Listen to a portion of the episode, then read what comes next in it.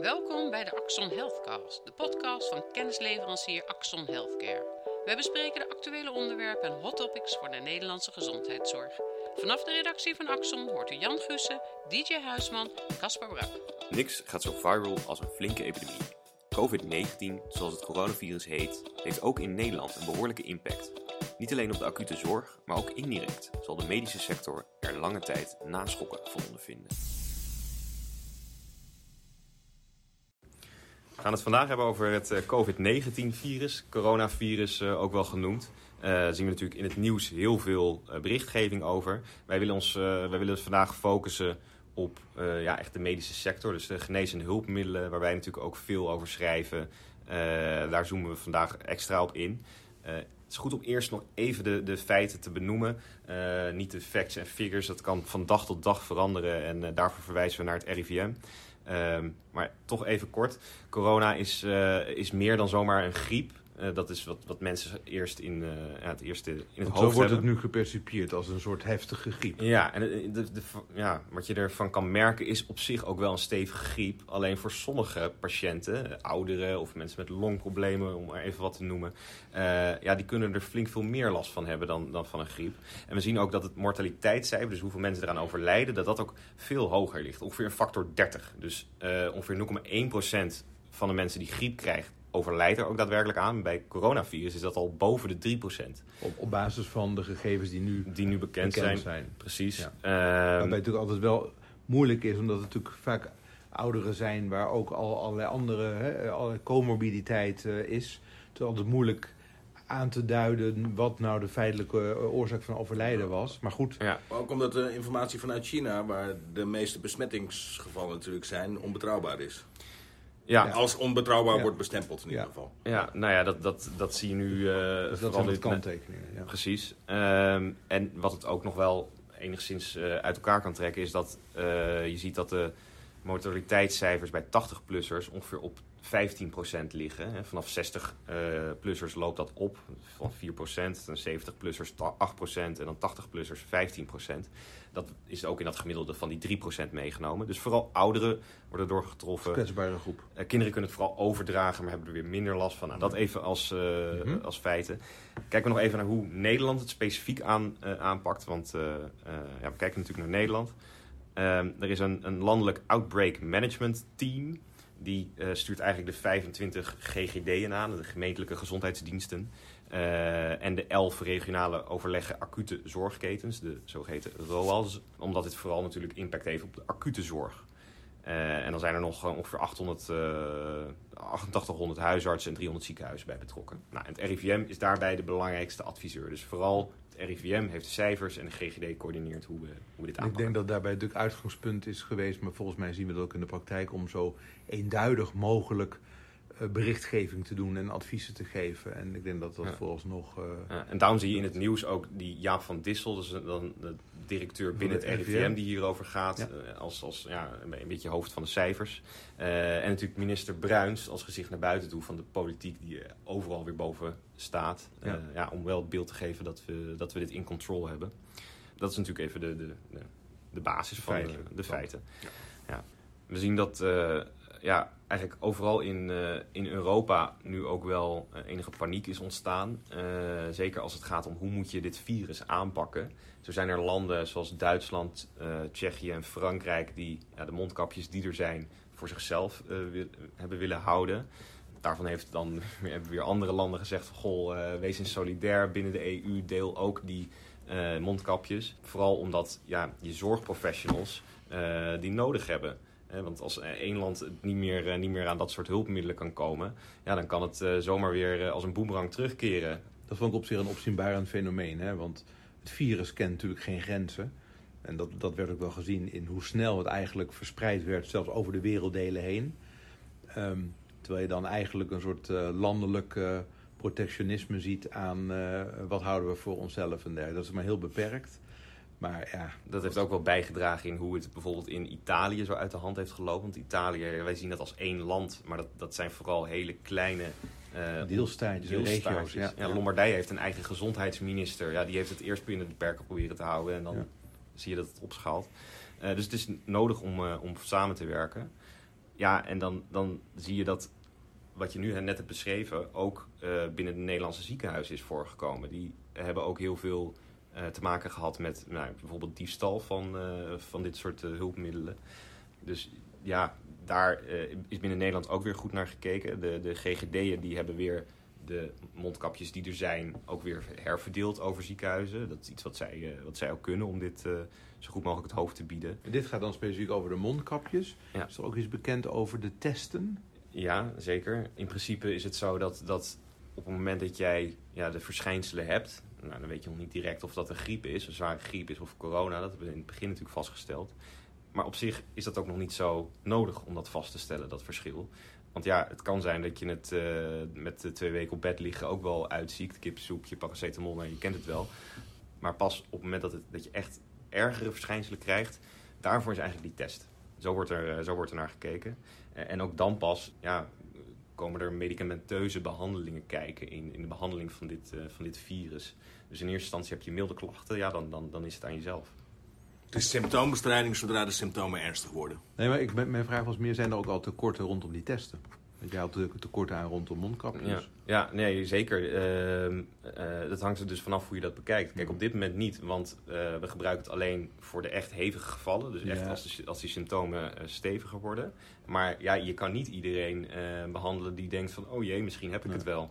Ja, dat... En met de huidige omvang volgens nog niet. Maar goed, nee. dat wil je het om in de gaten houden. Ja. Maar in feite, als de symptomen niet daarom vragen... is dat ook niet nodig om te behandelen? Nee, nee, je zou met een paracetamol... Ja. Kijk, het is vervelend, hè, laten we dat vooropstellen ja. als, je dat, als je dat krijgt. Maar het is natuurlijk nog vervelender als je, als je er echt ergere dingen aan overhoudt. Ja. longontsteking of je echt in het ziekenhuis moet worden opgenomen. En daarvoor uh, is die test. Dan behandel je uh, aanvullende complicaties. Maar wat kan je SEC aan het coronavirus behandelen? Dat is een virus. Op, dit moment nog niet. Nee. Uh, daarom Symptoombestrijding. worden er ook nu vaccins ontwikkeld. Alleen ja, we, dit virus is in december 2019 in China opgekomen. Uh, doorgaans duurt het nog een tijdje voordat je zo'n vaccin hebt. Ongeveer anderhalf jaar. En er gaan verhalen uh, rond onder farmaceuten dat het ja, misschien nog wel dit jaar lukt. Dus 2020. Dat zou relatief snel zijn. Maar daar hoor je al aan. Ja, om, Vooralsnog is het niet beschikbaar. Dat is nog niet. In de acute nee, maar niet. Wat er ook bij komt kijken, en dat is eigen natuurlijk aan de hele vaccinatiesector, is je ontwikkelt vervolgens een vaccin. Maar dit is een mutant van een virus die wellicht volgend jaar niet eens meer relevant is. En dat er dan weer een andere mutatie is. Waar, uh, dus dit probleem kan zich in feite herhalen. Dus je kunt je afvragen of vaccinatie überhaupt iets is waar het op dit moment heel erg relevant is. Ja, nou ja, dus daarom moet je ook heel goed scheiden inderdaad de, de twee dingen die er nu aan de hand zijn. Je hebt de, de acute behandeling. Dit is natuurlijk een uitbraak die je snel onder de, onder de knie wil krijgen. Nou, zo'n zo'n vaccin heb je niet zo snel. En dan inderdaad de lange termijn. Dan zou een vaccin helpen. Maar ja, ook maar voor deze specifieke soort. Uh, kijk, als dit virus een blijver is, dan is het natuurlijk absoluut relevant dat we daar een vaccinatie voor hebben. Maar dit is een mutant op, op, op, een, op het coronavirus. En volgend jaar kan dat weer een andere zijn, bij wijze van spreken. Dat speelt ook een rol bij grieps, uh, griepvaccinatie. Dus dat ligt nog niet zo makkelijk als dat je je voor zou stellen van... oké, we gaan even een vaccin maken en dan is dit probleem uit de wereld. Ja, want daarom is het dus ook van belang dat we in eerste instantie nu over deze acute fase heen komen. Ja. Het is goed om wel te kijken van ja, hoe, hoe pakken de beleidsmakers dit aan. Kijk, alles is erop gericht om uh, de piek zoveel mogelijk te spreiden. Het is in principe niet erg als, ja. als mensen nee. hier iets langer last van hebben, als nee. samenleving iets langer last van hebben. Het probleem zit er vooral in als er in één hevige grote piek ja. komt. Want wat je ten alle tijden wil voorkomen, is een, een soort omslagpunt. Ja, een soort ja. omslagpunt inderdaad. Ja. Dat, uh, uh, Wat zou dat inhouden als dat gebeurt? Nou, dan, dan raken je ziekenhuizen overvol. Is ook het personeel in het ziekenhuis ja, voor een deel ziek. Dus je kan gewoon bepaalde behandelingen niet meer uh, uitvoeren. Nee. Planbare zorg. Dat, dat, zien we nu al, hè, dat bepaalde planbare zorg, dus knieoperaties, iets wat je niet direct morgen hoeft uit te voeren. En we hebben natuurlijk al een dat zekere, wordt al uitgesteld. We hebben natuurlijk al een zekere schaarste in de ziekenhuizen. Hè? We hebben natuurlijk al een behoorlijke druk op personeel en dergelijke. Dus Um, wat natuurlijk nu wat extra is ook, uh, omdat die groep extra kwetsbaar is en extra wordt blootge uh, blootgesteld hieraan. Dus je hebt al wat, wat minder handen voorradig. En als dan zo'n omslagpunt komt, dan is het probleem natuurlijk nog groter. Ja. En de mensen die nu in het ziekenhuis terechtkomen, hoe worden die uh, additioneel behandeld? Ja, daar heeft het RIVM ook een, een, een, ja, een behandelplan voor opgesteld. Die krijgen nou ja, even vooropgesteld, als je in het ziekenhuis wordt opgenomen, heb je dus last van ernstige ja, eh, ernstige, klachten. Ja. Ehm, maar dan in eerste instantie, de eerste keuze is, is een geneesmiddel genaamd eh, chloroquine. Dat zeggen jullie volgens mij wel. Ja, wat? dat is een heel, heel oud antimalaria. eh, Antimalaria. middel. Ja. Oké, ja. eh, en dat wordt dan hier, hiervoor ingezet om dit te bestrijden. Ja. Mogelijk heeft het, eh, heeft het kennelijk effect. En dan, ja, mochten de klachten echt heftiger worden, dan, dan zijn er ook nog andere opties. Of Eh, HIV-medicatie. Ja, eh, even om de, de naam te noemen, Remdesivir. Om het maar even zo Ja, uit ja, te de spreken. virusremmer. Ja. Een virusremmer, ja, precies. Ja, die komen dan eh, nadrukkelijk in beeld om, eh, om, het te om het te bestrijden. Ja.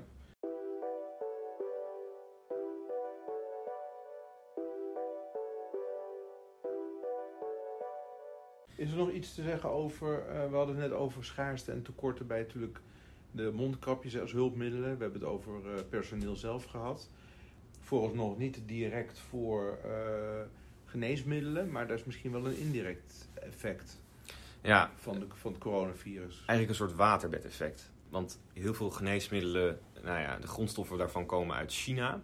En dan worden ze in India gemaakt. En wat we nu al hebben gezien, is dat eh, omdat het in China ja, even stil heeft gelegen, dat India het nu ook niet meer kan bolwerken.